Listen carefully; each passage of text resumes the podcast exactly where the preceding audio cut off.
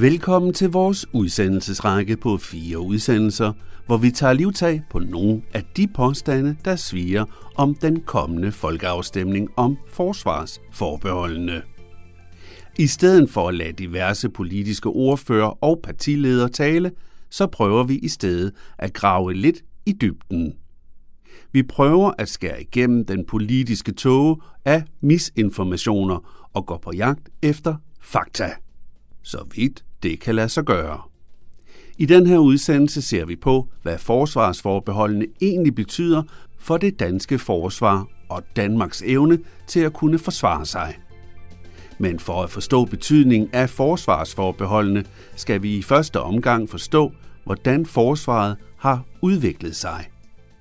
Vi vil se i krystalkuglen og se, hvordan forsvaret bliver nødt til at omstille sig, nu hvor Rusland med al tydelighed har vist, at vi ikke lever i så sikker en verden, som vi gik og troede. Vi vil se på, hvordan det hele hænger sammen med NATO, og hvordan verdens største militæralliance hænger sammen med EU. Sløjfen på hele udsendelsen bliver den kommende folkeafstemnings betydning. For at hjælpe os med netop det, har vi fundet et af landets førende kapaciteter, som er uafhængig. Han kommer her og præsenterer sig selv.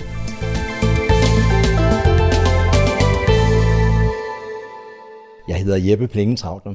I næsten 20 år har jeg undervist og forsket i, hvordan EU og NATO samarbejder om militære emner, og i, hvordan Europa laver militær og sikkerhedspolitik. Nu skal vi til at se på det her forsvarsforbehold.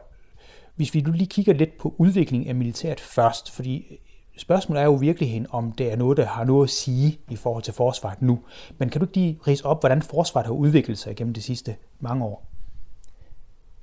Da vi vedtog forsvarsforbeholden i 1993, der havde vi et forsvar, der egentlig mest var beregnet på at forsvare Danmark mod Sovjetunionen. Men Sovjetunionen var jo væk. I de år, der fulgte, var der en stor borgerkrig på Balkan, hvor dansk forsvar hjalp til med at få en, en bedre situation og en fred. Siden 2004 har man så lavet dansk forsvar om, så det er beregnet til at deltage med meget små enheder i små krige meget langt væk, f.eks. i Afrika, Afghanistan og Irak. Så dansk forsvar i dag er meget, meget anderledes, end det var for 20-30 år siden. Det vil sige, at man gik fra territorieforsvar, og så vidt jeg husker, så her er det så ekspeditionsforsvar, altså ligesom med arktiske ekspeditioner. Det er helt rigtigt. Så der er sket virkelig meget i europæisk sikkerhedspolitik i de sidste 30 år. Vi gik fra en situation, hvor vi havde kold krig og en meget, meget stor trussel om en varm krig med Sovjetunionen. Så har vi været i en 20-25 år, hvor der ikke var nogen krigsrisiko i Europa, og som man kan se lige nu, er der igen en meget stor krigsrisiko i Europa, hvor Rusland så ja, nærmest forsøger at reetablere Sovjetunionen. Så vi er tilbage, hvor vi kom fra for 30 år siden. For den, der ikke beskæftiger sig med militæret, som du gør, Jeppe, hvad, hvad betyder det sådan rent reelt? Altså, hvordan ser et forsvar ud, når det er territorieforsvar? Hvordan så det ud, eller ser ud lige nu, for eksempel, hvor det var et ekspeditionsforsvar? Og hvordan kommer det til at se ud i fremtiden? Vi gik fra et forsvar, hvor man i Danmark alene havde næsten 100.000 soldater i de tre værn, som med få dages varsel kunne forsvare Danmark, og omkring 15.000 af dem kunne køre til Nordtyskland og hjælpe med at forsvare Nordtyskland mod en sovjetisk invasion. Det er jo fuldstændig sort fortid, det er det heldigvis stadigvæk. Men det vi så fik, da vi lukkede territorialforsvaret, som man kaldte det, det var et, som du sagde, ekspeditionsforsvar, hvor man kan sende små grupper soldater ud, typisk 200, 300, 500, måske 700 soldater ud til et fjernt land, hvor de så er i nogle år og forsøger at stabilisere og bygge et bedre land. Det er ikke altid det er gået særlig godt, men det var i hvert fald det forsvar, vi fik ud af det. Man har lukket værnepligten, og man har gjort forsvaret meget mindre. I gamle dage havde vi et forsvar, hvor alle delene hang sammen. Nu har vi et forsvar, som man kalder værktøjskasseprincippet, hvor der mangler væsentlige dele af et militært forsvar, men så har vi for eksempel en skruetrækker og en hammer i værktøjskassen, men vi har ikke en tang.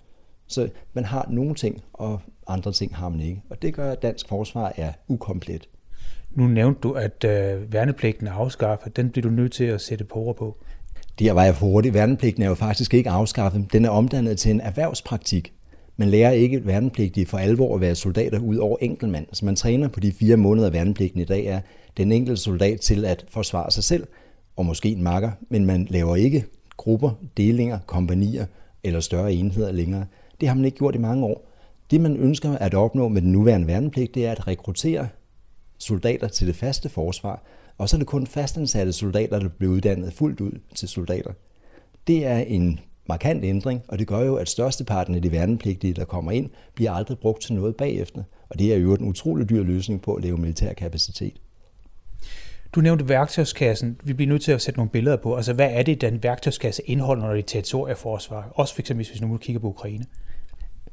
Hvis man har et territorialforsvar eller et konventionelt forsvar, så kan man for eksempel have en flyvestation, der kan forsvare sig selv. Så er der soldater, der passer på flyvestationen, andre soldater, der kan reparere huller i flyvestationen, som fjenden jo typisk forsøger at lave i flyvestationer i krigstid. Og der vil være selvfølgelig på flyvestationen piloter, der kan flyve flyene, og mekanikere, der kan reparere dem. Det forsvar, vi har nu, for eksempel flyvevåbnet, har jo ikke nogen, der kan reparere flyvestationer eller passe på flyvestationer. Der har man kun piloter, mekanikere og radarbidrag. Når vi så sender radarfolk til Afghanistan, som vi gjorde, så er der ikke danske enheder, der kan passe på dem. Så er vi altid afhængige af, at nogle andre bidrager. Det samme med herren. I gamle dage, det er til for omkring 25-20 år siden, der havde herenhederne logistik, altså evnen til at få forsyninger, og den evne har vi nu afskaffet, sådan at vores militære enheder egentlig ikke har en logistik, men altid er afhængige af, at andre gennemfører logistikken for dem. Men er det ikke det, der går ud på med NATO? Altså at vi netop ikke skal have det hele, men derimod bare har en lille del af det? Jo, det er det. Det er bare den lidt ærgerlige del af det, at nu skal alle lande igen kunne det hele. Og det har vi skulle kunne siden 2014. Og, der, og i Danmark, der har vi så bare, ligesom Tyskland i øvrigt, fastholdt kun at have dele af det, og kun noget af det, der ikke virker helt. Så det Danmark har bidraget med, forudsætter igen, at alle andre hjælper os. Så vi bliver egentlig ikke anset for at være en bidragyder til NATO. Vi bliver anset for nogen, som gerne vil have æren for ting og sager, men ikke rigtig hjælpe til for alvor. Danmarks gode navn i NATO er ikke så godt, som det har været. Det er ret klart. Ja, men du bliver nødt til at forklare, at hvor du har det fra. Altså du siger, at Danmarks rygte i forhold til udlandet. Øh, hvor ved du det fra? Det er ikke vanskeligt, fordi hvert andet år kommer NATO med en skriftlig vurdering af de forskellige medlemslande. Og i oktober 2020 kom den seneste vurdering. Havde det været en karakterbog, så havde vi fået 00 eller 02 til de ældre lyttere, så er det ikke bestået. Der skriver de direkte i den offentlige rapport, at Danmark fejler på praktisk taget alle områder. De skriver, at vi nasser på andre, de skriver, at vi ikke kan de ting, vi, gerne, vi har lovet at kunne, og de skriver, at vi ikke har en plan for at komme videre. Og det er NATO's vurdering, og den minder sådan set meget om, om andre uafhængige eksperter. Har forsvaret så sovet i timen? Det kan man måske sige, men forsvaret gør jo ikke ting af sig selv. Heldigvis er det sådan i Danmark, at det er politikerne, der styrer forsvaret. Det er nok først og fremmest ministeren, og ikke dem i oppositionen, der styrer forsvaret. Så forsvarsministeriet, forsvarsministerne, har det sovet i timen. Måske er det et bevidst valg, at, øh, at vi snyder lidt på vægten med NATO, og så må vi leve med at få et lidt dårligt ry. Det kan jo være, at det er et politisk ønske. Men det er i hvert fald ikke særlig positivt, hvad de andre siger om os.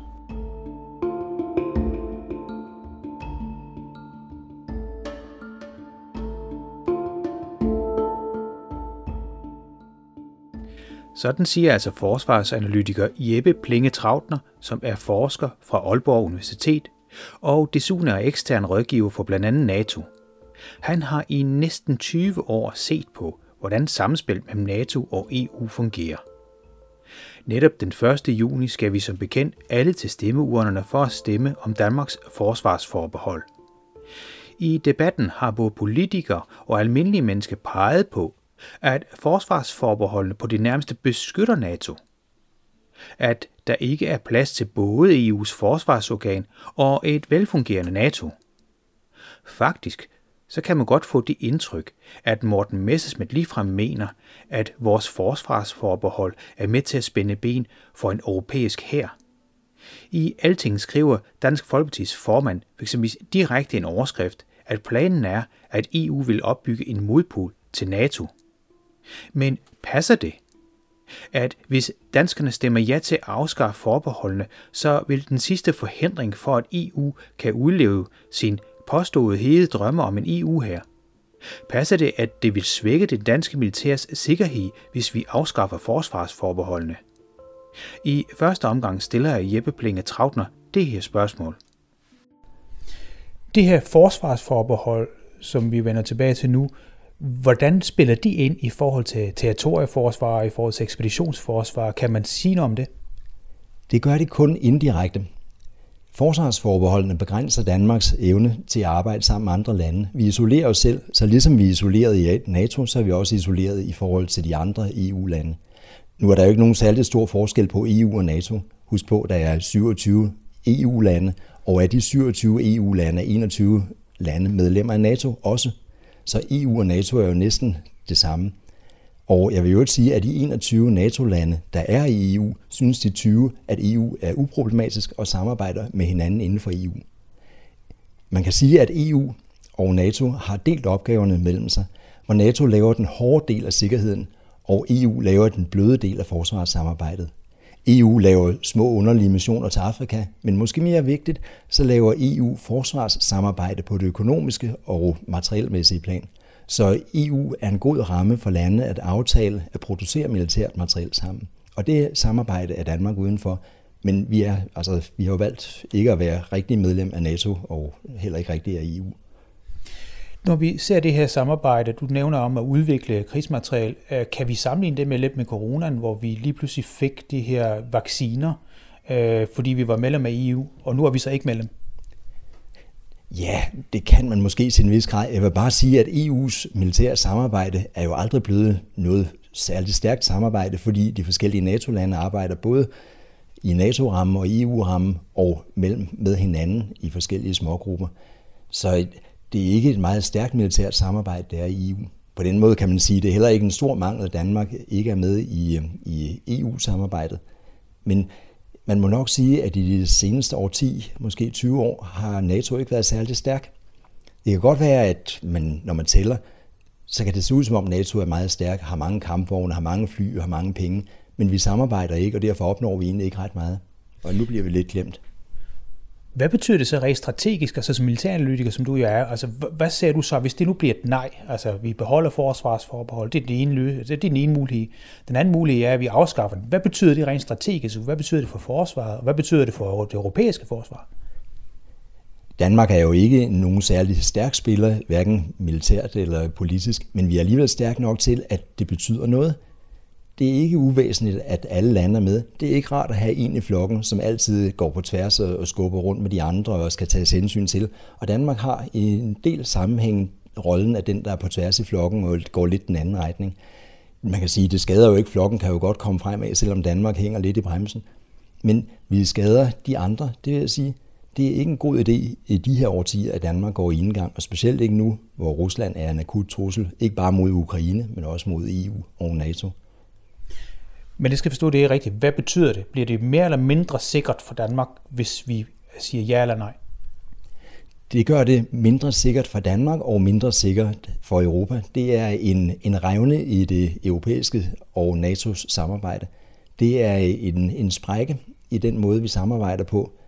Og det er nok en dårlig idé i en periode af verdenshistorien, hvor vi for første gang i 77 år ser en stor krig i Europa.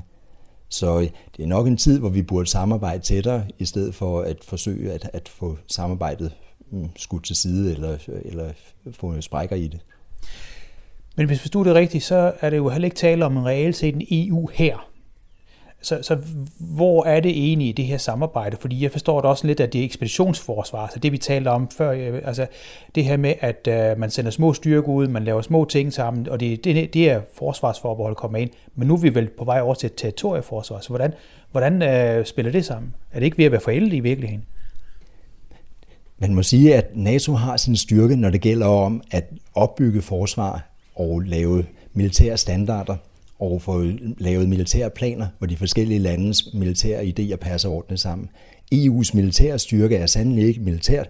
Den er mere at få forsvarssamarbejdet til at virke, at få en højere grad af fælles indkøb, en bedre form for fælles militær økonomi, et bedre ordninger, mere konsultation, mere samarbejde. Så EU er nærmest en slags en lille, en lille slags olie i gearkassen, snarere end et stærkt samarbejde i sig selv. Så du ser ikke sådan en kommende EU her som i virkelig en pedant til NATO? Det kunne jeg se i et meget scenarie, hvor USA melder sig ud af NATO. Nu ved jeg ikke, om Trump han bliver genvalgt om to år, og hvordan det vil se ud om, om seks år, når han, når han skal genvælges, eller hans efterfølger skal genvælges. Men man kan jo forestille sig et rejsescenarie, hvor USA melder sig ud af det internationale sikkerhedsarbejde, og så er EU måske den relevante afløser for NATO, men det er en helt katastrofal og helt usædvanlig situation. På den anden side har vi set pænt katastrofale og usædvanlige situationer inden for de sidste par år. Hvis man er Rusland, kigger man så i retning af Danmark i forhold til forsvarsforbehold også? Ved de overhovedet, hvad der er, der foregår? Nu har Rusland jo lige mistet deres 15 spiondiplomater her i landet, så de har ikke den samme kapacitet på ambassaden, som de havde tidligere. Jeg tænker ikke, at Rusland har bevågenhed på Danmarks valg på den måde. Alligevel har vi jo set Rusland i andre sammenhænge forsøge at fremme bevægelser i de forskellige NATO- og EU-lande, som splitter landene internt. Men det har de næppe kapacitet til eller mulighed for lige nu. Hvordan ser du fremtiden for forsvaret? Altså, hvis vi nu siger, at det bliver et ja, vi får fælles indkøb osv., hvordan vil det så udvikle sig? Det vil formentlig ikke udvikle sig dramatisk anderledes end det, vi har set i de sidste års tid eller halve år, hvor det bliver klart for langt de fleste, at nu skal vi gøre vores forsvar stærkere. Det vil bare give Danmark nogle flere muligheder for at styrke vores forsvar på sigt. Der vil blive lidt billigere indkøb, der vil blive lidt nemmere indkøbsprocedurer. Det er den eneste konsekvens, jeg kan se af, at vi fjerner forbeholdene. Hvorfor skal vi så stemme om dem overhovedet? Det er jo en politisk beslutning og et politisk løfte fra 1993, at man skal stemme om afskaffelsen af forsvarsforbeholdet. Og det giver god mening, fordi når man lover noget, så er man som politiker nødt til at holde det, det gør politikerne her. Men nu er det jo militæranalytiker. Jeg tænker jo, årsagen til det her, det var jo Ukrainekrigen. Jeg kan stadigvæk ikke se en sammenhæng mellem Ukrainekrigen og så forsvarsforbehold. Der er ikke nogen særlig stærk sammenhæng, og alligevel er der. Jeg tænker, at den stærkeste sammenhæng er, at de politikere i de fem partier, der var enige om, at nu skal Danmarks forsvar styrkes, de var også enige om, at Danmark skal komme tættere på de andre lande, i stedet for at gå enegang. Når Danmark har gået enegang sikkerhedspolitisk, f.eks. i 1864 og igen i 1940, så er det ikke gået særlig godt. Og det kan være, at vores ledende politikere her i landet tænker, at det er en god idé, at vi er tæt på de andre lande, især på NATO-landene, som jeg som sagt også er en, en del af EU. Så øh, det har nok været et ønske om at bringe Danmark tættere på de andre lande. Altså et styrket form for diplomati? Det kan man godt sige. Et styrket samarbejde, styrket diplomati og gør Danmark til en, en mere en, en rarere spiller at være i nærheden af på banen for de andre. Men hvad kan EU reelt set militært, altså nu og i fremtiden? EU har jo ikke nogen militære styrker selv.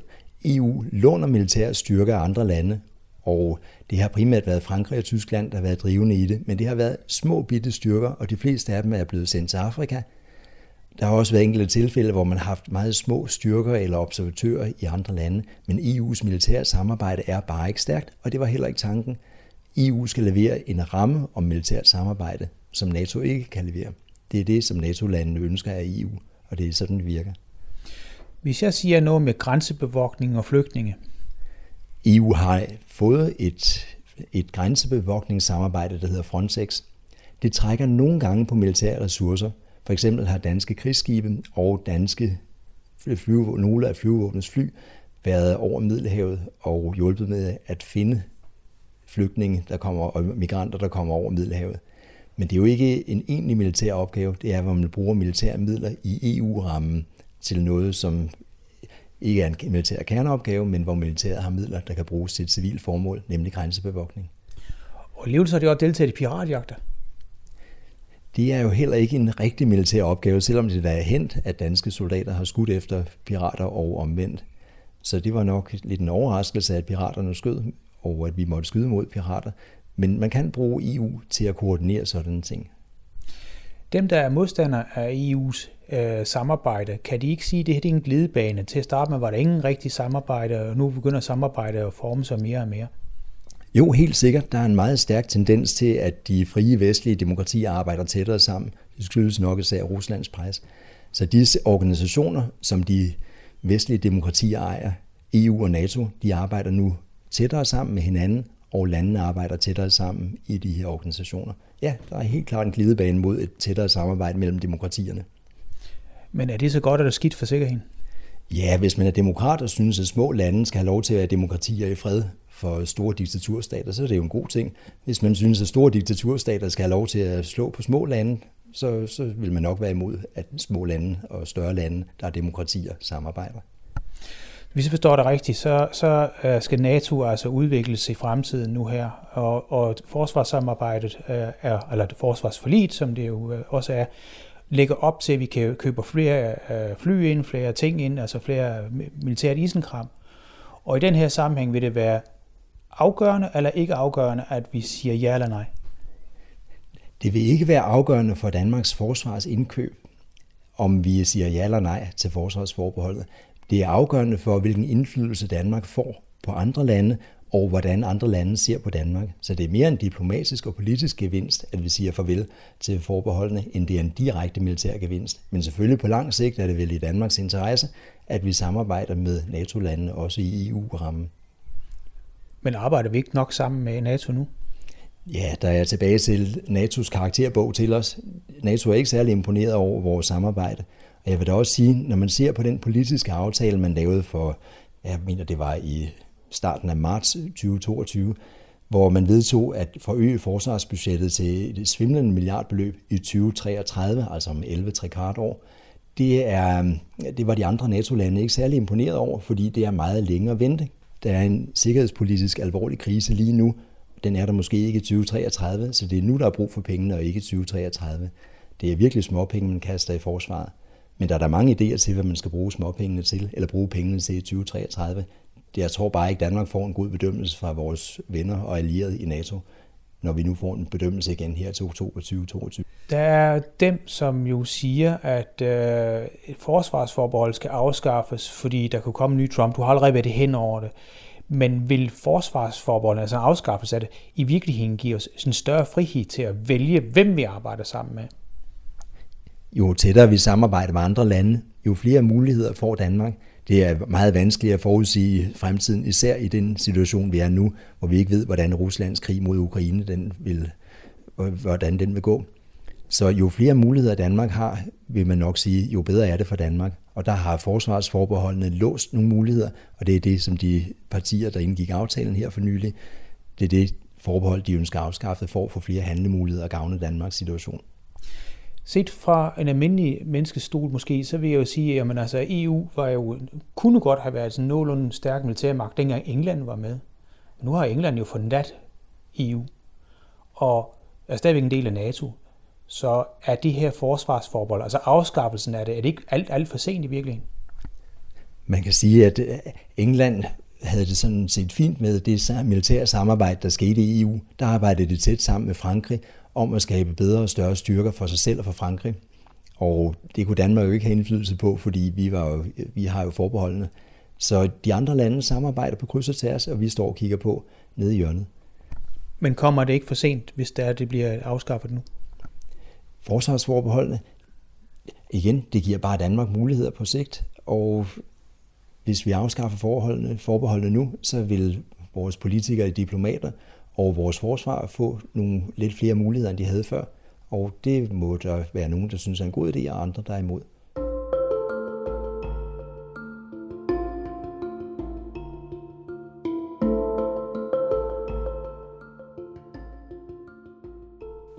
Sådan siger altså Jeppe Blinge Trautner. Han understreger desuden, at det faktisk haster med et øget europæisk samarbejde. Det skyldes ikke mindst, at der er en usikkerhed over, om USA vil blive ved med at sørge for europæernes egen sikkerhed. Som Per Lachmann, jurist i speciale i EU-traktater og danske forbehold, forklarer her. Sådan som jeg tænker, der siger jeg til mig selv, Europa er rigeligt rigt nok til at betale for sit eget forsvar. Og amerikanerne er mere og mere trætte af at betale til Europas forsvar. Så hvis vi kigger 20-30 år ud i fremtiden, så vil jeg sige, at det er meget usandsynligt, at det fortsat er amerikanerne, der betaler hovedparten af udgifterne ved det europæiske forsvar. Det må blive europæerne selv, og vi har ingen undskyldning for ikke at gøre det. Vi er rige nok til det. Og, øh, og problemet er, at det europæiske forsvar, hvor vi ikke har en storbror Amerika til at bestemme alting, det kræver samarbejde mellem lande, der er mere eller mindre lige store, og der er mange af dem, og de har forskellige interesser. Det kræver mange år at udvikle. Og derfor, hvis vi skal være klar om 30 år, så skal vi begynde nu.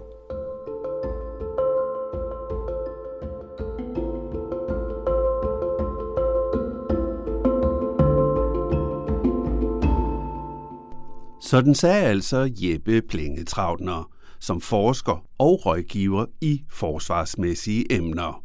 Udover ham, så hørte du her til sidst også Per Lackmann, som er jurist med speciale i EU-traktater og de danske forbehold. Journalisten, der interviewede, han hedder Jan Simmen. Det er også ham, der har klippet og klistret udsendelsen sammen. Det er Radio MB, der er producenten, men Europanævnet har givet os en nødvendig økonomisk håndsrækning. Du kan i øvrigt genhøre udsendelsen her, eller podcaste andre udsendelser om forsvarsforbeholdene på radiomb.dk-eu. Her finder du for eksempel også en podcast, hvor EU-politikerne fra begge sider af debatten kommer til ord. Det er dog ikke det hele. Vi vil naturligvis også gerne høre din mening. Gør det indtryk, at det forsvarsmæssigt har betydning, hvor du sætter dit kryds? Eller stemmer du af helt andre grunde end det forsvarsmæssige? Fortæl os, hvad du stemmer, men især hvorfor. Det kan du gøre på vores Facebook-side, som du finder ved at søge på den elektroniske folkeoplysning eller bare e-folkeoplysning. Vi har naturligvis et link henne på vores hjemmeside, som jo var radiomb.dk-eu. Mit navn det er Kim Matar Bundgaard, og jeg siger tusind tak, fordi du lyttede med og satte dig ind i, hvad forsvarsforbeholdene betyder set med forsvarskritiske briller. På genhør indtil næste gang.